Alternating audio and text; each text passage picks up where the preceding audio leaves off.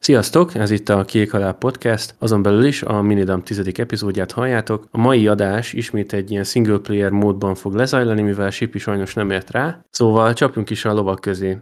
A héten több ingyenes dolgot tudtok kipróbálni és behúzni. Kezdjük is rögtön azzal, hogy mivel 10 éves a Metro széria, most ingyen be tudjátok húzni Steam-en a Last Light-ot, ebből is a komplett csomagot, amiben benne van minden ehhez kapcsolódó. Nem tudom, hogy így megkapjátok-e a Redux változatot, mert azt elvileg ingyen megkapja mindenki, hogyha megvan az eredeti. Nem tudom, hogy erre érvényese. Minden esetre csekkoljátok le, hogyha még nem próbáltátok ki, nem rossz játék egyébként. Másik ingyenes dolog, amit ki tudtok próbálni, a Dead Space remake ugye idén januárban jelent meg, elég jól sikerült, és most már ki tudjátok próbálni, mert jár hozzá egy 90 perces ingyenes demo. Érdemes egyébként, hogyha még nem játszottatok a régivel, vagy hogyha szeretnétek egy jó horror játékkal játszani, akkor mindenképpen ajánlom a figyelmetekbe.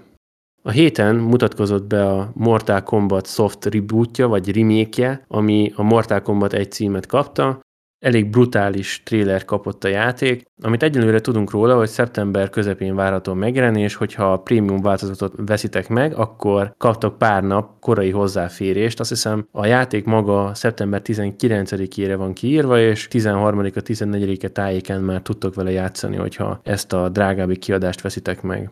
A hét nagy híre volt, hogy az Overwatch 2-ben elkaszálják a PvM módot és a kópot is, abban a formában, amit ugye 2019 óta ígérgetnek számunkra. Megmondom nektek őszintén, hogy én is azok közé tartozok, akik úgymond felháborodtak ezen, mert az egész Overwatch 2 kb. az én szememben legalábbis erre lett így fölépítve, vagy emiatt kell majd egy kettes számot oda tenni mögé, mert igazából, ha jobban belegondolunk, akkor ez lehetett volna akár egy ilyen új season, vagy egy új ilyen sima chapter a játék történetében, nem kellett volna ezt úgymond egy kettes számmal megáldani, mert nem indokolt, és ugye az Overwatch egy játékosoknak is, amik elérhetők voltak ilyen kozmetikai dolgok, skinek, emótok, meg ilyen animációk a játékon belül, azokat is most már konkrétan ilyen P-val mögé tették, és ezzel az új Battle Pass rendszerrel is a pénzre mennek rá nagyon. Nekem emiatt se nagyon tetszett most így a második rész, meg Sipivel már nagyon régóta keresünk egy ilyen kópos játékot, amiben nem basszuk föl magunkat, mint a többi multis játékban,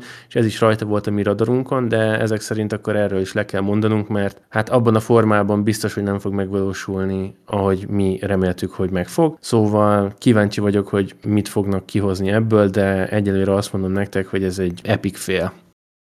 Ha már Blizzard, akkor a másik nagyobb hír, ami hát nem tudom mennyi embert érint, de azért ez az érdekesség kedvéért én elmondom, mert az utóbbi időben egy kicsit rákattantam a YouTube videóikra.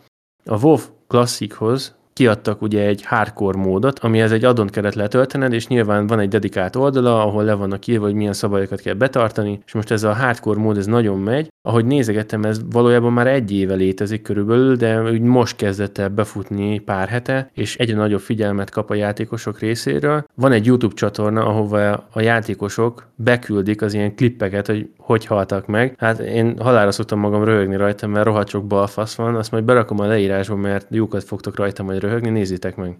Na de hogy visszatérjünk az ingyenes játékok vonalára, ha felnéztek az Epic Games Store-ba, akkor ismételten egy nagy leárazási akció van, ráadásul ez körülbelül egy hónapig fog tartani, Elvileg mindenki kap 25%-os kupont, amit a minimum 4390 forintos játékoktól tudtok majd felhasználni, valamint ismételten ingyenesen beúszhatjátok a Death Stranding-et. Igaz, hogy nem a Director's Cut-ot, hanem csak a simát, de akit érdekel a játék, annak ez egy nagyon jó alkalom arra, hogy kipróbálja egyéb újítással is előrukkoltak a Epic Games-nél, mégpedig a reward rendszerükkel, tehát egy ilyen jutalomrendszert fejlesztettek ki nekünk, amiben semmi más dolgod nincsen, csak annyi, hogy az ő boltjukban vásárolod meg a játékokat, és minden egyes vásárlás után 14 nappal jóváírják a vételár 5%-át egy ilyen jutalom számlára, ezt körülbelül két évig tudjátok gyűjtögetni, utána fog csak elévülni, Szóval ez egy nagyon jó kezdeményezés szerintem. Ha minden igaz, akkor ezen felül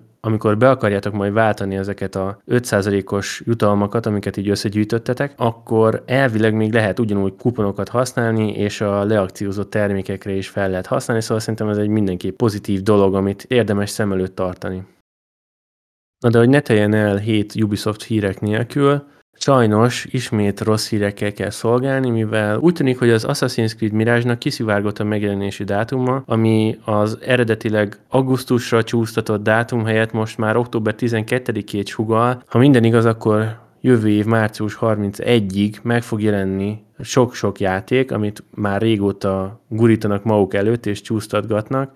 Hát szerintem is itt lenne már az ideje, mert ahogy a korábbi adásokban is beszéltük, nem annyira áll jól a szénája a Ubisoftnak, de úgy tűnik, hogy teljesen az Assassin's Creed-re fognak összpontosítani mostantól, és a többi franchise egy kicsit a háttérbe fog szorulni, és nem tudom, hogy láttátok-e, de úgy tűnik, hogy a Ubisoft mégse hátrál ki az NFT-s dolgok mögül, mivel érkezik úgy tűnik egy ilyen 3D nyomtatott Assassin's Creed kollekció, ami egy ilyen akril kocka, amiben Assassin's Creed figurák vannak, és ehhez társulnak digitális tartalmak, achievementek, questek, skinek, ilyesmi. Nem tudom, hogy ennek mekkora sikere lesz. Szerintem ez már inkább csak egy ilyen vészkiáltás, hogy nagyon kell nekik a pénz, mert nem úgy alakulnak a dolgaik, ahogy ők eltervezték.